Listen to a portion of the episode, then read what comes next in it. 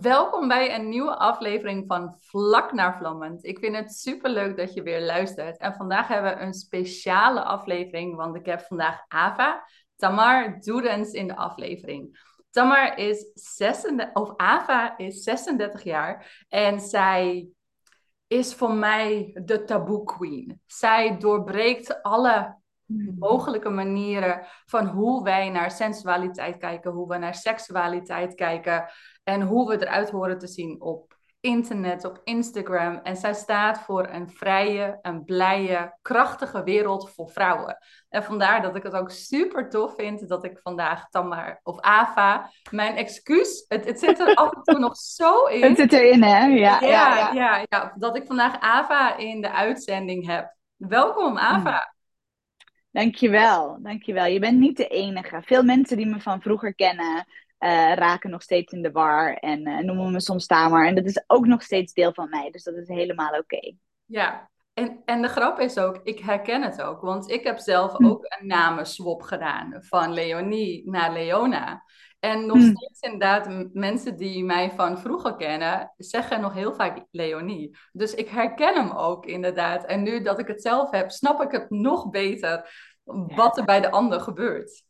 Ja, ja, het zit er diep ingesleten. En we kennen elkaar uit die tijd, dus het is helemaal logisch. Ja, Dank ja. Je, ja, dankjewel dat ik hier mag zijn. Wat leuk dat ik de taboe doorbrekende queen ben. I like that a lot. Ja, ja, en ik denk ook dat, dat het iets heel erg belangrijks is. Voor, vooral al als we hmm. kijken inderdaad uh, via Instagram en de social media world. En de glimpjes die we natuurlijk nu van iedereen krijgen, zo'n 30 seconden opnames, waarvan we denken dat het hele leven helemaal perfect is en hoe het er allemaal uitziet. Dus daarin vind ik jou echt super sterk om ook te laten zien van ja jongens, maar het is soms ook gewoon even kut.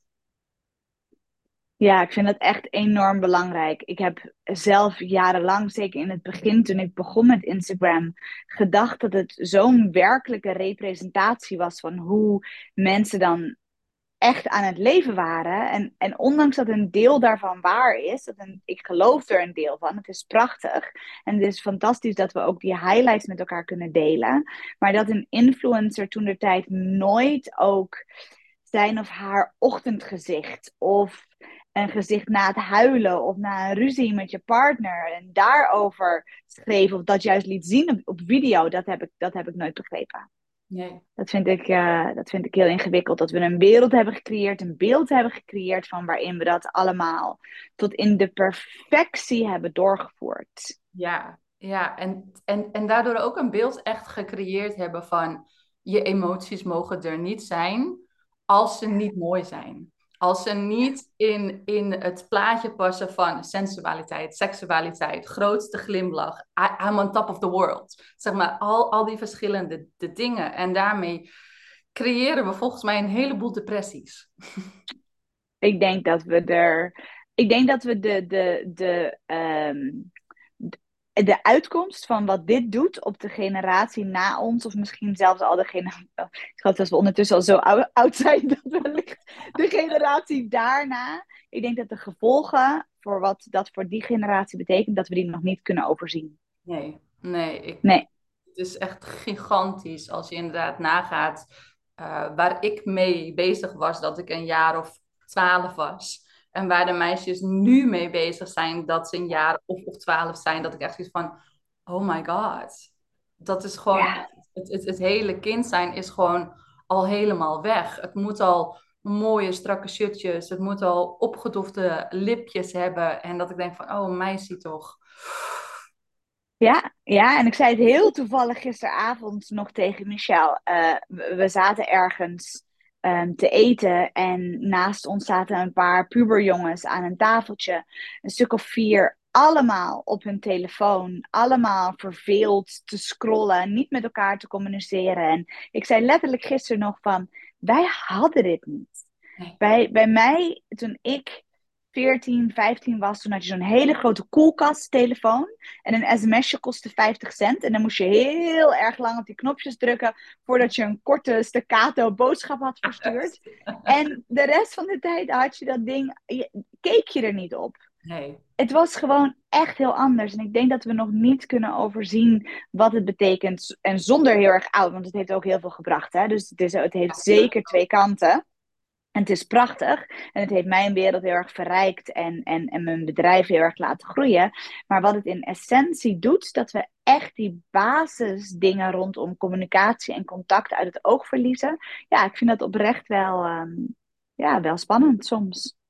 Zeker, want het is inderdaad, want jongeren en, en ook onze generatie uh, vindt het over het algemeen heel erg moeilijk. En, en dat zie ik vooral bijvoorbeeld ook na de coronatijd.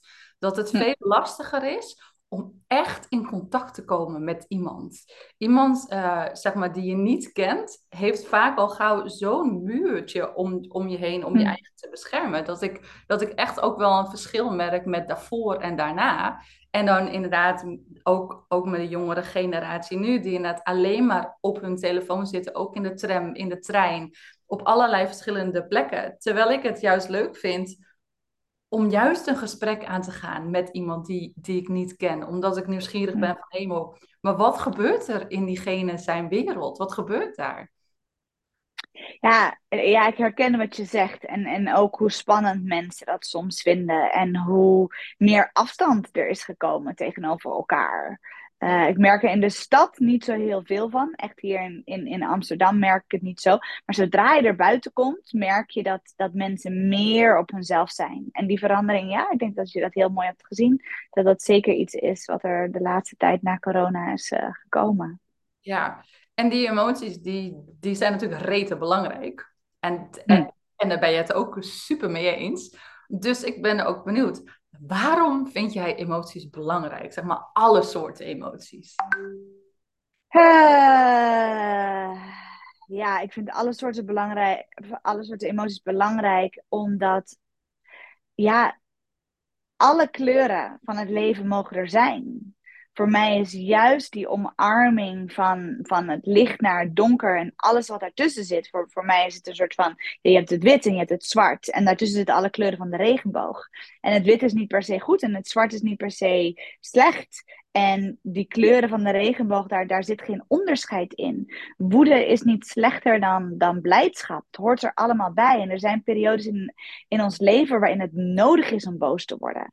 En um, diep verdriet of, of, of grief, dat, dat hoort erbij op bepaalde momenten. En, en ja, it makes you feel alive. Dit zijn momenten dat je echt kunt voelen van dat je ten diepste leeft. En als je een aantal emoties um, buitensluit, als je over een aantal emoties zegt van, nou jij wel en jij niet, zeg je eigenlijk daarmee tegen jezelf, oké, een deel van mij wel en een deel van mij niet.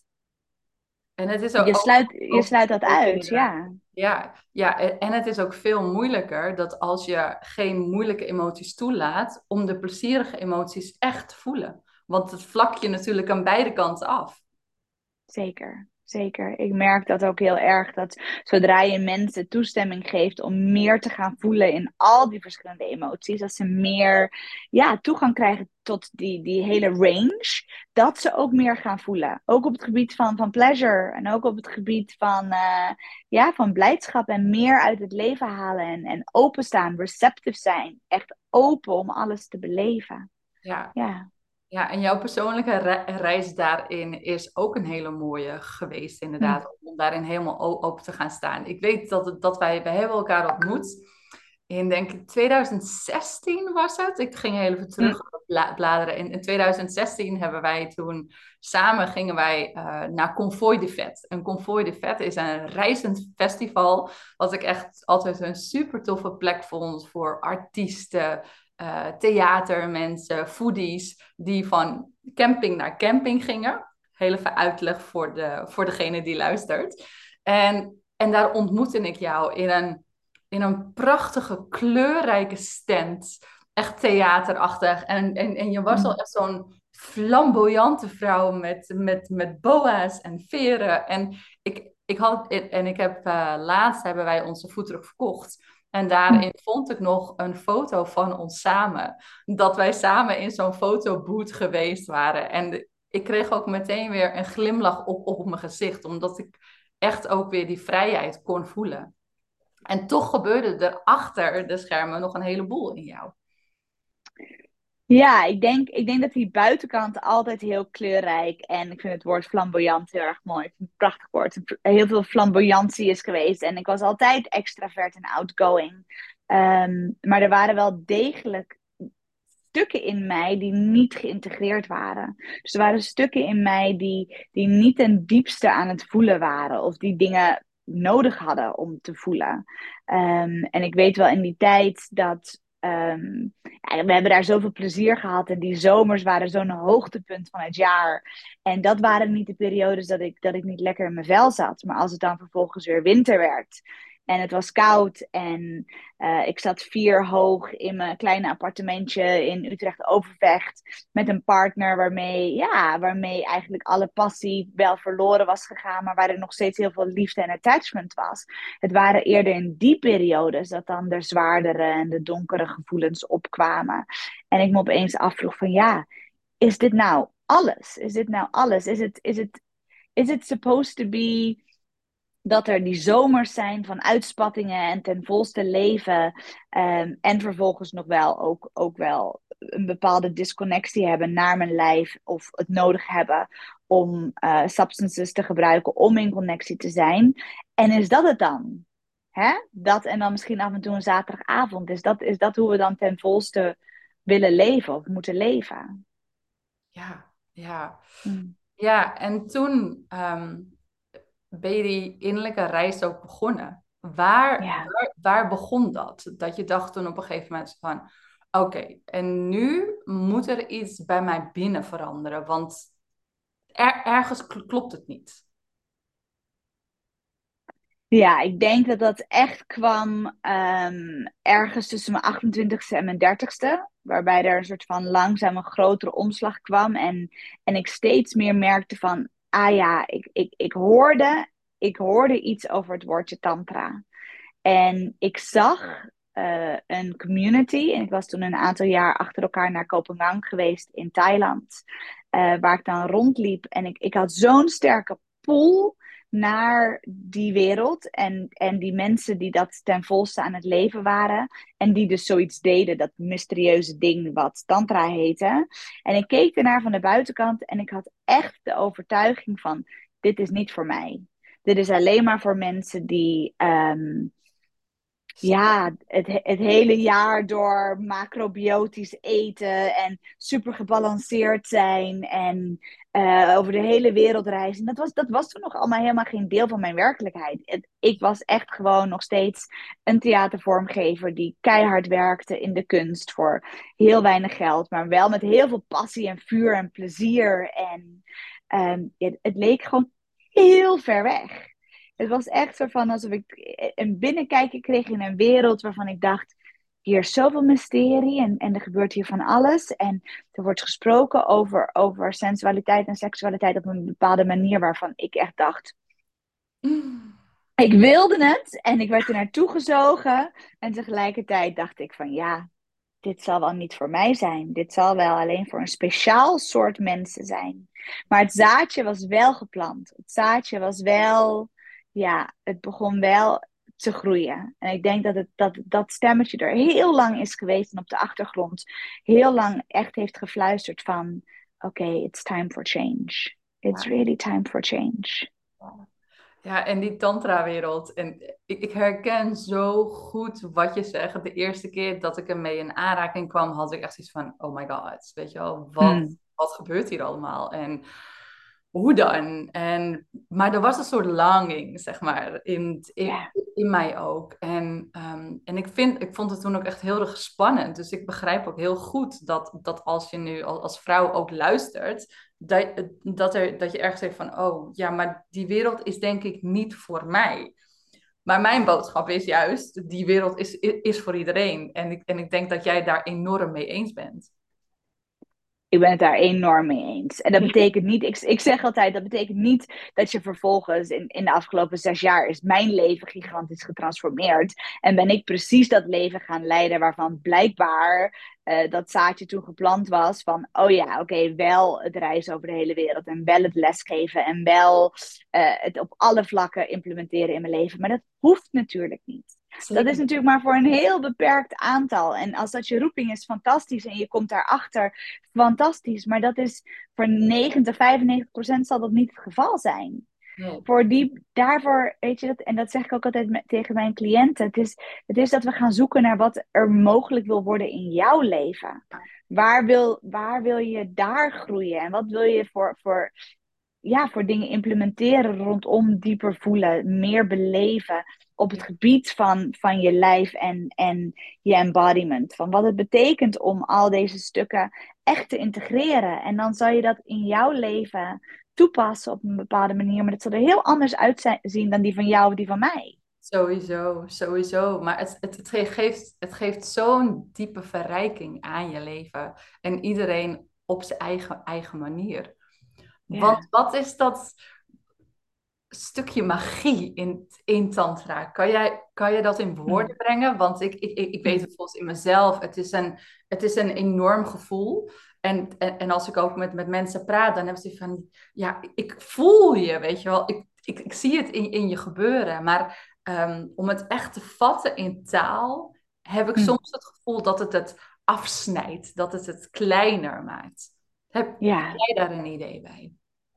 Ja, ik, heb, ik herken wel wat je zegt. Het, ik, ik geloof ook dat woorden het nooit helemaal kunnen omvatten, omdat het zo'n diep gevoel is. En het gaat juist over het vergroten van je gevoelswereld. Het gaat juist over jezelf openen. Ik denk dat we in deze maatschappij, en zeker als je hier bent opgegroeid in Nederland en hè, je hebt gewoon een, een, een vergelijkbaar leven gehad zoals jij en ik, dat er een hele grote emphasis is gelegd op je hoofd. Ja. Dat het belangrijk was om naar school te gaan en goed te leren en goed je best te doen. En waarschijnlijk om een studie te doen, hè? op wat voor niveau dan ook. Maar er wordt heel veel nadruk gelegd op ons hoofd. Het is belangrijk, je hersenen zijn belangrijk. Er, er wordt veel vanuit hier gedacht en ook vanuit de samenleving een structuur aangebracht. Waarvan ik denk dat we een heel groot deel vergeten. Een heel groot deel van ons lijf, een heel groot deel van, van onze, onze sensaties, van die emoties waar, we net, waar we het net al zo mooi over gehad hebben. Ja, het is bijna alsof die niet mee mogen doen. Het is bijna alsof er wordt gedacht over emoties, ja, die zijn hysterisch. Of die moet je maar uh, leren beheersen. Of die moet je maar onderdrukken. En wat we daarmee eigenlijk doen, is dat we alles van dat lijf onderdrukken en daarmee ook afsluiten. Ja. Dus zoveel mensen die ik hoor die naar mij toe komen en die zeggen van ja, wat is de magie van Tantra? Ja, voor mij is dat dus het, het tot leven brengen van al die verschillende lagen of die lichamen die we hebben. En de lichamen die we hebben, bedoel, we hebben, sommige mensen weten dit niet, maar we hebben een, een fysiek lichaam op deze laag. Dan hebben we een energetisch lichaam, een soort van die eerste, die eerste laag om ons lijf heen. Dan hebben we een spiritueel lichaam, we hebben een mentaal lichaam, we hebben een astraal lichaam. We hebben oneindige lichamen die we dus tot leven kunnen brengen en waar we mee kunnen spelen en die je leven zoveel um, rijker gaan maken. Ja, waarom zou je dat niet willen? Nee, nee het is ook denk ik van. Ehm, als je het niet kent, is het zo'n ver weg van je bedshow. En, en het klinkt vaak heel dan spiriwiri en een beetje zweverig. En, en dat je denkt van, ja, maar hoe werkt dat dan? Maar het is inderdaad, het, het, het is een vaardigheid die we gewoon helemaal niet hebben, hebben meegekregen. Want we hebben soms wel emoties, maar die emoties komen er dan uit als in één keer weet je wel, op de verkeerde momenten tegen de verkeerde mensen. En dat komt omdat we wel emoties hebben, maar niet de emotionele intelligentie. Waarmee we ook de emoties gewoon kunnen begeleiden op de goede manier. En dat is hm. ook wat ik door middel van Tantra heb, heb geleerd. Doordat ik mijn eigen lichaam leerde kennen. En dat ik leerde wat er in haar gebeurde, leerde ik emotionele intelligentie. In plaats hm. van dat ik verdronk in mijn emoties, heb ik een emotie. Ik ben niet mijn e-, emotie. En dat vond ik ook zo waardevol. Want, want, want tantra is, is natuurlijk, natuurlijk niet alleen maar uh, seks en, en sensualiteit. Het gaat juist enorm over grenzen. Ja. Ja. ja. Juist. En wat je zegt is heel mooi, die, die identificatie met onze emoties en denken dat we dat zijn en er zo door, door overgenomen worden, is een heel erg ehm, groot voorbeeld van wat die, dat disconnect tussen ons hoofd en ons lijf teweeg brengt. Ja. En daar zijn we dus heel ver van, van afgestompt en van weggeraakt. En ik zeg altijd van, ja, echt een van de dingen die ik zo sterk voel is waarom leren we dat niet op school? Waarom is er geen aandacht voor emotionele intelligentie, communicatievaardigheden? Wat betekent het om een relatie te hebben? Iedereen wil het. Iedereen wil een relatie. Iedereen heeft liefde zo hoog in, in, in het vaandel staan. En we willen het allemaal. We verlangen ernaar. En niemand leert ons hoe het moet. Nee. En meestal is het voorbeeld wat we hebben van onze ouders precies juist niet hoe het niet moet, op een paar uitzonderingen nagelaten. Ja, terwijl dat het grootste gedeelte is van on, ons hele leven. In contact staan met anderen. En inderdaad, een relatie en baby's en dingen. En dan op een gegeven moment dan zit je daar ook met zo'n klein fl in je armen. En dan heb je zo van, ja shit hè nu. Weet je, weet je wel? En dan raak je jezelf kwijt. En dan raak je je partner kwijt. En dan probeer je maar die kantjes aan elkaar te knopen. Terwijl dit, moet gewoon basis zijn. Ja, ja zeker. Zeker. En ik denk dat als we kijken, ik weet nog toen ik op de basisschool zat, dat, um, dat een hele goede uh, vriendin van mijn moeder ging scheiden. En dat was een heel groot ding. Dat was echt een van de eerste mensen in onze omgeving die uit elkaar gingen. En dat was, was huge en iedereen was erdoor aangedaan. En het was een hele happening. En, en nu is het geloof ik één, op de twee. Ja. Eén op de twee mensen, dat zijn alleen nog maar huwelijken die we tellen. Moet je nagaan als we daar ook de relaties bij op zouden tellen. Dan denk ik dat het aandeel nog veel groter is. We zijn gewoon maar gewend om weg te lopen. En het op te geven. En te denken, oh ja, ja, something better will come along. Ja, ja, maar ook wat is een gezonde relatie, weet je wel? Wat voor hm. voorbeelden hebben we überhaupt van, van wat een gezonde relatie is? Als ik bijvoorbeeld mijn klanten ook spreek, dan, dan vinden ze het normaal dat je op een hm. gegeven moment minder intimiteit hebt. Dat je op een gegeven moment minder seks hebt. Terwijl ik zeg van, lieve schat, dat is de grootste bullshit. Ik, zo, ik en mijn partner zijn al 19 jaar samen. Ik zou bij ons vliegen de vlammen er nog steeds af soms met een ruzie en, en soms in, in bed. Maar we hebben ze beide nodig. Ja, ja zeker, zeker. En dat narratief dat heerst, dat ehm, het normaal is dat intimiteit uitdooft. Ja, dat is een, uh, een heel diep geworteld narratief. Ja. En, en het tegendeel is waar. Het tegendeel is waar. Ik geloof erin dat intimiteit en seksualiteit alleen maar groeit naarmate je dieper met elkaar in verbinding komt en langere tijd met elkaar doorbrengt, je leert elkaar alleen maar beter kennen.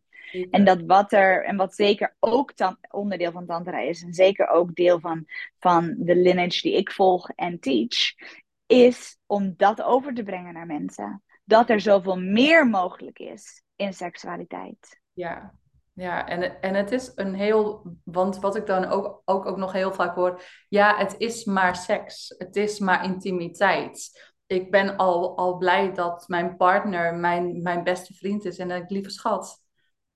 Jij wilt eigenlijk veel meer. Ja, zeker weten. Zeker weten. En, en als dat zo is, dan geloof ik dus dat er een bepaald deel van je lijf afgestompt is waar je nog geen toegang tot hebt, waar je dat dieper zult voelen. En dat is oké.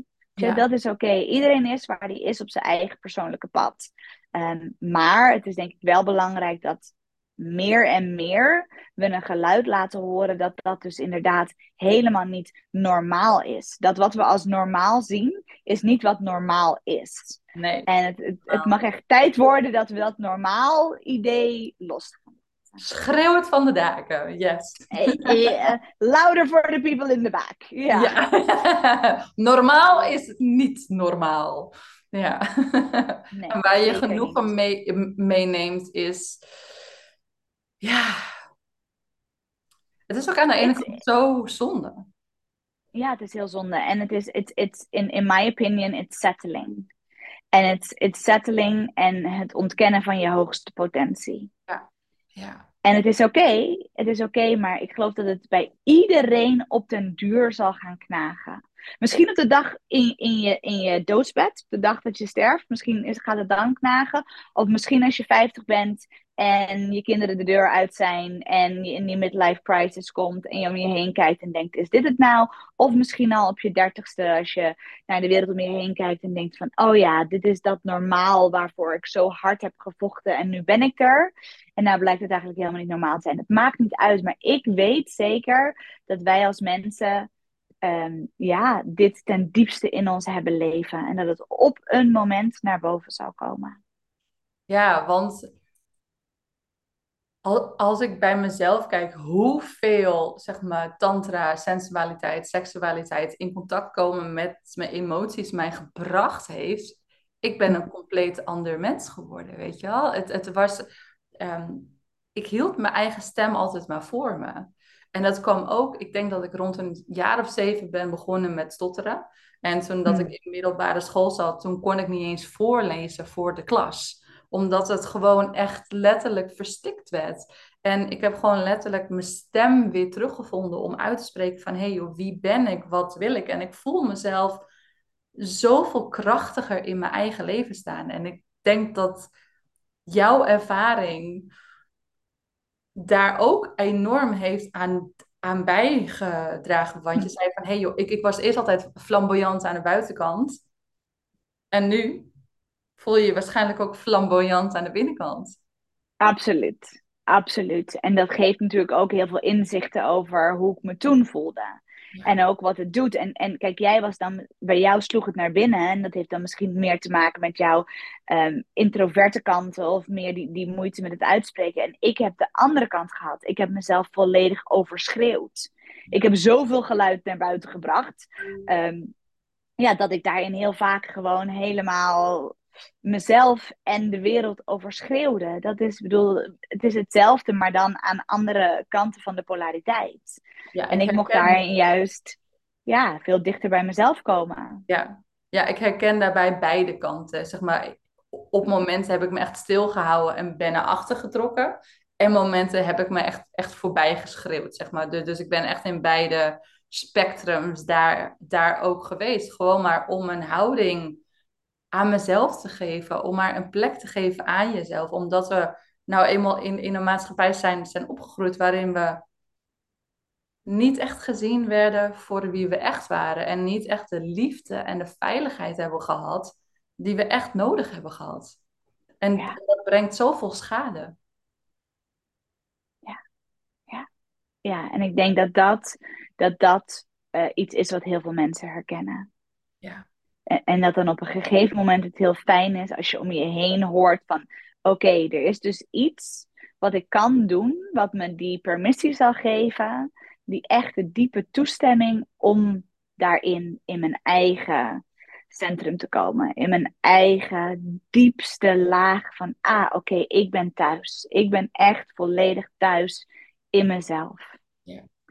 En natuurlijk, er blijven altijd dingen. En het, en het mooie is op dit pad echt, je kan voor altijd blijven sleutelen. En het is, ik geloof in dat het nooit af is. Maar er komt echt een moment, dus de laatste twee jaar, echt wel een soort van dieper, dieper thuiskomen in mezelf gekomen. Ja. Het is niet meer de hele tijd zoeken. Want ik weet nog op een gegeven moment kwam ik in, in, in, een fase terecht. En, en ik weet ook zeker dat, dat ik die fase heb nodig gehad. Weet je wel, waarin je jezelf aan het zoeken bent. En, en dat ik op een gegeven moment ook dacht van, komt er ooit een einde aan het zoeken? Van mezelf zoeken. En nu kan ik echt ook inderdaad een punt zeggen van, hé hey joh, maar ik voel me verankerd in mezelf. Hmm. Hmm. En, en dat is de kunst daar ook in. Omdat je jezelf zo goed leert kennen, raak je verankerd in jezelf. Ja, ja. En, en that's a pretty good feeling. dus uh, dus uh, best wel een lekker gevoel. Zo van, ah, oké, ja, ja, ik herken dat. Het is mooi dat je dat zegt. ja. ja, want een van de dingen die bij mij nog een, een heel groot ding speelde, is veiligheid onder vrouwen. Veiligheid onder, onder, vrouwen is in mijn leven altijd een heel groot thema geweest. Dat je, met heel veel pesten op school en momenten dat ik dacht van, ja, zie je nou wel, ik kan vrouwen gewoon niet vertrouwen. En ik weet nog dat wij elkaar ontmoetten toen in Kopanjang. En toen hadden wij een avond, een tempelavond. En toen was jij daar met jouw toenmalige vriendje in een open relatie. Maar het bleek dat er bepaalde dingen gewoon niet besproken waren. Dus niet veilig waren en niet oké. En ehm, ja, haar vriendje vroeg mij, de, of jou, jouw vriendje uh, vroeg mij toen op een gegeven moment van... hey joh, zou jij een, een massage willen? En ik had van, nou, lekker, doe maar. En toen kwam je op een gegeven moment ook binnen. Echt zo van, wow, wat gebeurt hier al? En toen ben ik ook meteen gestopt. Uh, omdat ik toen op dat moment ook die sisterhood voelde van... hé hey joh, wij het is zo belangrijk dat wij van vrouw naar vrouw een veilige hm. connectie hebben. Ja. ja, er valt hier heel veel over te zeggen. Ik bedoel, in, in essentie um, was dat eigenlijk een hele onveilige relatie. En wat in het verleden gewoon heel, heel vaak bleek te gebeuren, is dat hij vrouwen uitnodigde voor het hebben van een massage, wat dan nooit alleen maar bij een massage bleef. En dat had dan verder dus echt helemaal niet zoveel met jou te maken, maar meer met de manier waarop hij in, in zo'n soort veld bewoog. Um, en ondanks dat, hè, daar, daar, daarmee dus helemaal niks tegenover jou, maar tegenover hem en zijn patroon van hoe hij aan het bewegen was. En, en hier dus weer een bepaalde soort ja, herhaling te zien was van hoe hij dat dan altijd deed. Van, ah ja, ik nodig eerst een vrouw lekker uit voor een massage en dan vervolgens, ah, is dat een ingang om daar meer seksueel mee te zijn. En ik heb er echt, dit, deze relatie heeft mij geleerd wat mijn boundaries zijn wat uh, non-negotiables zijn. Hoe ik wil dat we communiceren in een relatie. Wat belangrijk is om open te kunnen relateren. Wat agreements zijn. Ehm, ja, hoe je daarmee omgaat als levenspartners. En, en dit was vooral um, geen gezond voorbeeld. Nee. Dat, is, dat was heel helder. Ja, heel, heel helder. En en ik weet nog dat wij die avond daarna een heel mooi gesprek ook hebben gehad. Van hé, hey, maar wat betekent veiligheid in, in een relatie? En ook wat is communicatie? Want, want dat is ook zoiets, weet je wel. Communicatie, super ingewikkeld. super, super, super ingewikkeld. We gaan het liefst echt zo een blokje om. Echt zo van, uh, nou, nou, het wijt wel weer over. Ja, nou ja, hij, hij heeft gewoon heel zijn uh, dag niet. Maar ondertussen, onze vrouwelijke intuïtie is altijd zo sterk en scherp. En zodra we daar echt een keertje ja, op, op, op leren vertrouwen, dan, dan wordt de communicatie ook beter. Ja. Communicatie is een heel groot onderwerp. Het is, het is echt een van de dingen waar ik nog steeds zoveel over leer. En ook in mijn huidige partnerschap, wat, wat het tegenovergestelde is van de man die jij uh, toen uh, ontmoette en een encounter mee had. Want deze man is het tegenovergestelde. Die wil over alles praten en die vindt het super belangrijk. En die is heel nauwkeurig, nauwkeurig en secuur in de manier waarop hij communiceert. En het leert mij nog steeds zoveel. En het laat mij ook nog steeds zien waar ik mijn werk heb te doen. En waarin wij samen nog te leren hebben over wat het echt betekent om volledig in waarheid te communiceren. Kan jij je laatste les, wat je hebt geleerd in communicatie, delen? Dat je hmm. van, oh. Um, ja, zeker, zeker, zeker. Het is heel actueel. Want het was met deze volle maan, deze laatste volle maan uh, in Ram, die echt volgens mij heel erg ging over woede en jezelf uitspreken en deze stukken rondom communicatie. En ik kwam erachter dat ik me nog steeds heel vaak, en met heel vaak bedoel ik echt wel bijna elke dag, um, me aangevallen voel door iets wat hij zegt, wat niet bedoeld is als aanval naar mij. En er zit een soort van uh, tendency in mij die het echt een neiging heeft om zich vanuit een heel oud patroon per definitie te verdedigen. En dan meteen een soort van, oh, heb ik het gevoel dat ik word aangevallen? Boom, verdedigingsmechanisme uit, aanval terug. Ja. In plaats van een moment van, goh, is dit een aanval?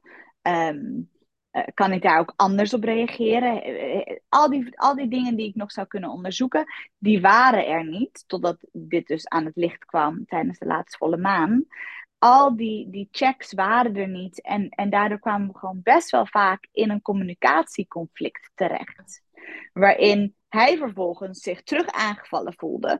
Voelde dat hij zich moest verdedigen voor zijn boundaries of zijn punt waarmee hij in eerste instantie kwam, wat dus helemaal geen aanval was. Um, maar ja, dat botste dan gigantisch op elkaar. Ja, ja, ja dus we zijn, ja. Ja, wat, ja, wat je het? zijn dan al, allebei aanvallers, zeg maar, op een gegeven moment. Als jij fel wordt, dan, eh, dan wordt hij ook fel. Zij, nou, zijn nou, dan, dan... Vuur, vuur en vuur samen? Want je hebt natuurlijk verschillende eh, eh, dynamieken. Je hebt natuurlijk de aanvaller en de aanvaller. Je hebt een aanvaller en een, en een terugtrekker. Of twee terugtrekkers. Ja. ja, dus hij is eigenlijk in essentie een terugtrekker. Mhm. Maar omdat hij daar de laatste jaren steeds meer mee is gaan oefenen. En juist heel erg bezig is om voor zijn eigen grenzen te gaan staan. Is hij nu veel meer aan het aanvallen op het verdedigen van zijn eigen grenzen. Dus nu opeens hebben we vuur met vuur. Nu opeens zijn er twee aanvallers. Terwijl het in, in, in, in essentie helemaal niet is hoe hij is. Um, ja, en dat leidt tot, uh, tot echt wel bepaalde communicatieuitdagingen. Um, ja, die echt moesten veranderen. Want dat droeg niet bij aan uh, de harmonie en de liefde en uh, de rust in ons gedeelde huishouden. Ja, en na zo'n vuur, hoe kom je dan weer terug? Ja, nou gelukkig hebben we daar wel heel veel, heel veel manieren voor. Dus um, we weten wel dat het nemen van een time-out heel erg helpt. En het is voor mij, ik heb een anxious attachment system. Um, en ik merk wel dat dat voor mij heel moeilijk is, want ik denk dan heel snel: oh, dit komt nooit meer goed. Mm dit is nu het einde, hij gaat nu weg. Dus we hebben nu ook geleerd, ehm, en dit leer je allemaal in de loop der, der, der tijd. We zijn nu een jaar samen en langzaam bij beetje zijn we al deze dingen um, gaan ontdekken. Van hij weet nu dat hij dan ook zelfs in zijn boosheid kan zeggen: Oké, dit betekent niet dat dit het einde is. Dit betekent niet dat ik wegga. Dit betekent alleen maar dat ik nu eventjes afstand ga nemen. Dat we heel even gaan zorgen dat we de boel diffusen. En zorgen dat de heftigheid van het vuur even weer wat kan zakken. En dat we weer vanuit een andere plek kunnen, kunnen verbinden. En dat we er zo meteen gewoon verder over praten. Maar vanuit een, een minder vurig, um, ja, fire on fire attacking. ja. Uh, ja. Ja, mooi, mooi. Want het is ook zo, zeg maar, zodra het vuur aan vuren is, dan, dan gaan we eigenlijk terug naar ons primal brein. Echt, echt naar ons oerbrein. En dat oerbrein wil eigenlijk alleen maar overleven. dus het is ook heel moeilijk, zeg maar. Want op dat moment denkt jouw oerbrein, dit is de vijand. En die moet ik vernietigen. En juist door je eigen terug te trekken, ga je weer even terug in dat oh ja, ik heb ook nog een bewust brein. Ik kan nog steeds ademen. Ik kan mijn uh, zenuwstelsel reguleren. En dan daar vanuit liefde dat je denkt van, oh ja, ik wil weer terugkomen. Wat ook in, inderdaad, wat ik zelf altijd uh, doe met, met mijn partner, is, is ook... Um, ik weet dat als je lichamelijk contact hebt, als je boos bent, dan kan je niet, niet zo boos zijn, zeg maar, blijven. Om, om, om, omdat je dan die verbinding voelt. Alleen of soms op, op zulke momenten heb ik zoiets van, weet je wel, dat ik denk van, stik er maar even in. Nee, maar dan weet ik van, ja, maar dit is gewoon je eigen koppigheid, Lee. Dus dan moet je gewoon maar even inderdaad elkaars handen vasthouden. En van, oh ja, ik ben oké, ik ben veilig, ik mag ontspannen, ik mag me openen. Ja. ja, en hij kan dat dus niet. Dus dit is ook een van de dingen waar we dan ruzie over hebben. Of waar we dus die, die, die vurige discussies over hebben. Um, ik weet dit. En ik weet, ik weet hoe, hoe het reguleren van ons nervous system werkt. En ik weet dat als je de lichamen bij elkaar brengt, zelfs in boosheid, ha, wat jij zegt, hè, dan ontspant er iets en dan opent er iets en dan ha, voel je die dieper liggende connectie weer. Maar hij kan dat dus niet. Zijn hele lijf gaat gigantisch op slot en in echt een hele diepe freeze als er ook maar een aanraking komt. Daar zit natuurlijk ook een hele hoop wat, wat we nog kunnen ontdekken en exploreren. Uh, maar in dit moment werkt dat dus niet. En ik vergeet dat soms. En dan heb ik wel een aanraking of dan kom ik wel dichter bij hem. En dat is alleen maar meer olie op het vuur. Ehm, en, ik vergeet, en ik vergeet het oprecht, hè. Dat is echt, ik doe dat echt niet expres. Maar dan denk ik echt, oh, het is een goed idee. En dan heb ik hem al aangeraakt voor, voordat ik dan uh, daarover heb ingecheckt. Ja, en dat is dan ja. niet de beste oplossing. Wat dus ook kan. Ja, ja, ja. Ja, ja relaties is echt ehm, de allergrootste spiegel. die, die er ook de hele tijd is. Ja, ja, je hebt al dezelfde voor 19 jaar. Hoe is dat om al 19 jaar in dezelfde spiegel te kijken? Ik heb het wel het gevoel alsof ik al zes verschillende partners heb gehad. Weet je wel, van, van het begin. Want wij woonden ieder nog thuis. Dat we elkaar leerden kennen. Dat ik denk van holy shit. Ik weet nog in, in, inderdaad dat, dat mijn moeder af en toe met zo'n bezemstil omhoog tikte. Want wij sliepen op zolder als wij dan te veel lawaai maakten. ja, ja, die moeders van ons, die hebben wel wat meegemaakt. ja, ja, inderdaad, ja. Ja, en toen gingen wij op een gegeven moment op wereldreis. En toen zijn we dertien maanden lang samen, samen wezen reizen. Eerst zeven maanden door uh, Azië heen. En daarna drie maanden door Australië. En toen drie maanden door Nieuw-Zeeland.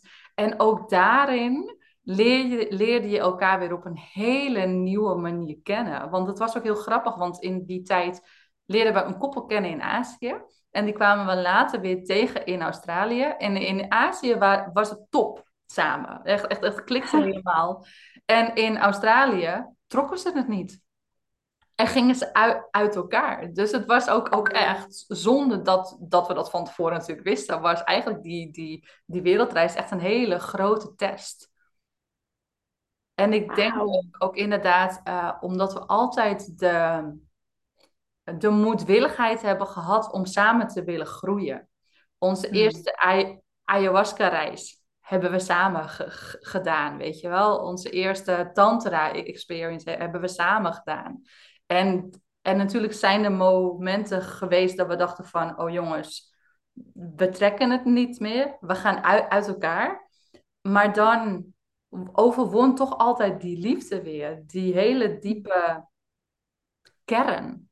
En dat mm. groeide ook enorm. Want op een gegeven moment weet ik nog dat, we, dat ik zeven jaar, geleden in Bali was. En toen waren we net een half jaar begonnen aan onze open relatie. Superleuk idee. Helemaal goed. Helemaal doen.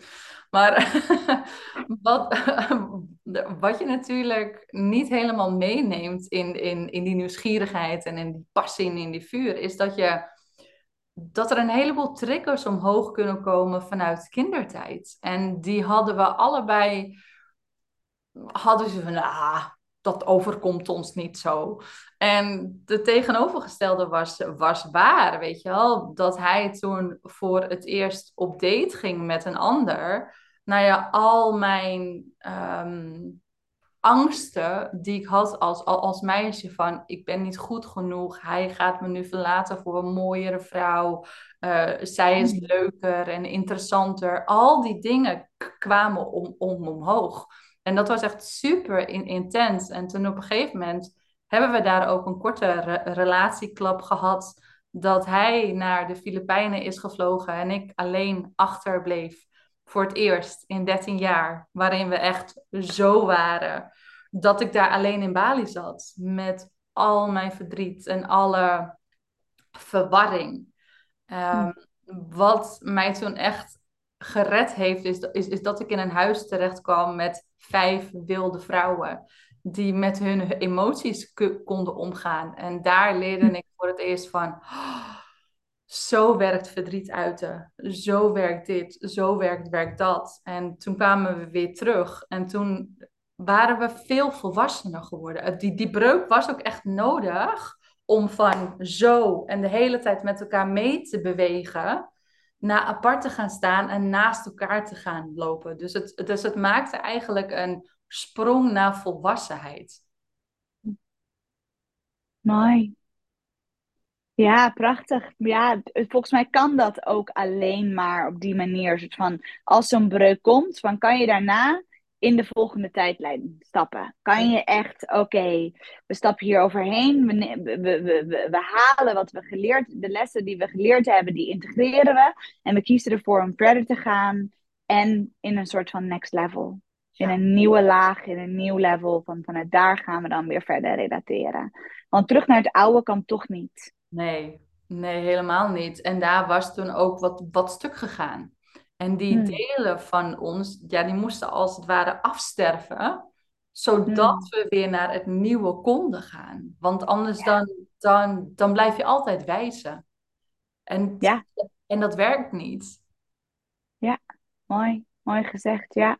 Ja, er moet een hoop uh, vergeven worden en daarna ook echt besloten worden van oké, we kunnen dat achter ons laten om vervolgens verder te gaan. En dan is dat zeker mogelijk. Ik geloof, op deze manier geloof ik erin dat je gewoon samen heel oud kan worden. Ja, ja zeker. Ja. Ik, ik, ik denk de grootste kunst ook in een relatie is nieuwsgierig blijven. Telkens hm. weer met nieuwsgierige ogen blijven kijken. Want, als, uh, want dat zie ik heel, heel vaak bij je stellen. We gaan het invullen voor de ander ja, de ander denkt wel dit. Of na de ander zegt dit, zeg maar. En dan zie ik al van, oh jee, de, de persoonlijkheid van de ander is eigenlijk helemaal weg. Is, terwijl je eigenlijk gewoon nieuwsgierig blijft van, hé, hey, maar wat denkt hij nou? Of wat denkt zij, zij nou? Wat gebeurt daar nou? En vanuit die nieuwsgierigheid te blijven interacten. Ik, ik denk dat dat mijn eigen formule is. En niet dingen aannemen voor wat ik denk wat het is. Ondanks dat je iemand door en door kent en echt eigenlijk op een bepaald niveau echt wel weet wat daar een soort van eh, ten diepste ligt, is het heel mooi gezegd. Als je daar vragen over kunt blijven stellen, nieuwsgierig kunt blijven, met een onderzoekende, open houding elkaar opnieuw steeds willen ontmoeten, ja, dan, dan kom je een heel eind. Ja, want ik, ik denk ook dat je de hele tijd ook verandert. Weet je, weet, je wel, je wordt telkens meer jezelf, waarschijnlijk. Tenminste, als ik naar onze relatie kijk. En hij gaat nu ook geregeld alleen op reis. En ik ook. Dus vanuit daar maakt hij ook weer zijn eigen dingen mee.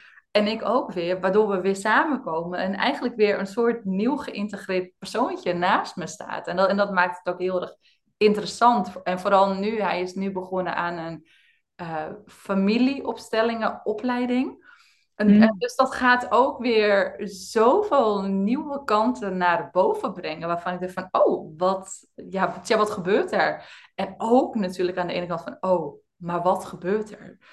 En dat is natuurlijk ook de, de andere kant. Ehm, hmm.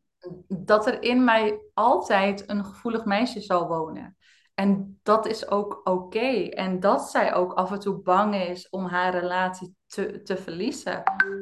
Het is gewoon de kunst dat ik haar bij me hou en vasthoud en vertel van Lee, het is goed. Je bent veilig. Hm. Je mag ontspannen. Ja. Ja, ja. En om dat te leren herkennen en dat dus, dus bij jezelf te kunnen houden en te weten van oké, dat is dat stuk ook wat ik in mag brengen en waar ik me bewust van mag blijven. En zelfs al zijn we bijna twintig jaar samen, dat dat nog steeds af en toe meespeelt en dat dat oké is, dat is uh, ja, een, een, een, een kernwaarde zou ik zeggen. Ja. Ja. Een kernwaarde. Dus je ook nieuwsgierig blijft naar jezelf en daarin dat stuk dus ook um, ja, meeneemt, accepteert, omarmt misschien zelfs wel. Van ja, dat is er ook en dat mag er zijn. En ook vooral op de momenten dat als ehm, iets moeilijk is, weet je wel? Hmm. Of, of, of als je partner niet zo denkt zoals je wil dat hij denkt. Of niet zo reageert zoals je wil dat hij reageert. Want als het inderdaad... Leona, ho hoezo? Hij reageert toch altijd precies hoe jij wil? Nee, sorry. Mijne doet altijd precies wat ik, maar heb jij het nou over? Nou, dan weet ik wel wie de broek aan heeft.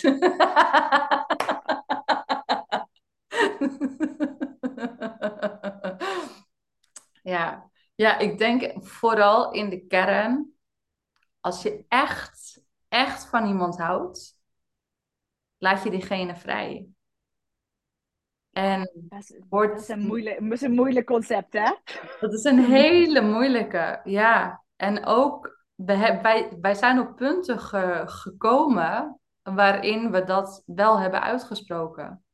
Hm. Van, ik hou enorm veel van je en ik wil gewoon dat jij gelukkig bent. En als dat nu niet meer met mij kan, dan laat ik je gaan. Hoe pijnlijk, hoe hartverscheurend of hoe heftig dit ook, ook, ook is, weet je wel. Want ja, dat, dat is het ook. Maar als je echt van iemand houdt, dan laat je Dan diegene... doe je dat. Ja, Ja, dan doe je dat. Ja, en dat is hetzelfde met het beëindigen van een relatie. Dat als je weet van, oké, ja, dit dient jou niet meer. Dit dient, en als het jou niet dient, dan dient het ons niet meer. Dan, dan moeten we accepteren dat we elkaar mogen loslaten. ja. Ja. En, en Hoe dat is verdrietig dat ook is, ja. Ja, en dat is natuurlijk het meest hartverscheurende wat er is. Ja, ik beweer wel eens dat ehm, eh, heartbreak echt, echt liefdesverdriet van het verliezen van een, ja, van, een, van een geliefde aan het einde van een relatie bijna pijnlijker is dan het verliezen van iemand aan de dood. Nou, het is eh, zelfs zo. Ik las la- laatst een onderzoek, is wel weer interessant, dat als er iemand doodgaat of als je liefdesverdriet hebt, dat zijn precies dezelfde delen in de hersenen. Precies Hm. hetzelfde gedeelte ligt op, want er gaat ook eigenlijk een stukje van jou dood. Ja. Want je bent zo geïntegreerd met, met, met dit andere persoontje, dat het ook een stukje do- doodgaan is. Ja. Ja, en het is, denk ik, het is denk ik soms nog moeilijker te verkroppen omdat het minder eindig is. En het is, het is Diegene is er gewoon nog. Ja, diegene is er gewoon nog. Het is niet dat, dat het, er is geen andere optie, want iemand is dood en daarmee is het gewoon definitief. Maar, maar iemand is er nog, alleen het werkt niet meer. En dat kan zo bijna nog hartverscheurender zijn dan, dan iemand ehm, verliezen. Maar mooi dat je dat weet van dat onderzoek, ja. Ja, ik kwam het tegen en ik had van, holy shit. Oh, vandaar dat dat Ja. zo fucking pijn doet. Dat je denkt van, echt, ik word uit elkaar gescheurd. Heb jij Ja. daar nog tips over? Over, over als je door liefdesverdriet heen gaat? Doorvoel het. Ja, doorvoel het. Ik geloof erin en, en ik heb best eh, flinke heartbreak gehad op verschillende momenten in mijn leven. En de reden waarom ik er best wel snel doorheen kon bewegen, is denk ik omdat ik het altijd zo ten volste heb gevoeld. Ik heb echt helemaal toe. Het is dat alles verzengende gevoel, dat alles overspoelende, vernietigende gevoel van ik kan niks meer. Nee, ik kan ook niks meer. En ik kan alleen maar huilen en, en, en ik, kan, ik kan alleen maar op dat kussen stompen. En ik kan alleen maar met dertig vriendinnen de hele dag bellen en, en, en, en het erover hebben. En ik kan het alleen maar ten volste doorvoelen. En dat, dat heeft echt een verschil gemaakt. Want daardoor blijf je er niet in hangen.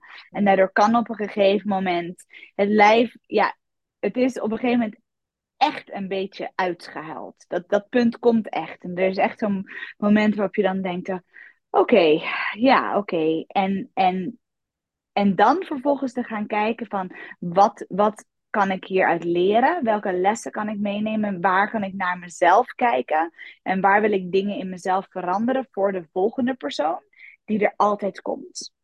Ja. En het is altijd beter dan dat het daarvoor was. Totdat je in mijn optiek bij iemand bent waarmee het, waarmee het klopt en waarmee je eh, ehm, ja, bedoeld bent om een langere periode, of misschien wel hè, voor, voor de rest van je leven mee, mee samen te leven. Ehm, ja, dan je wordt steeds duidelijker in wat je wel en wat je niet wilt. En een break-up zorgt daar echt voor.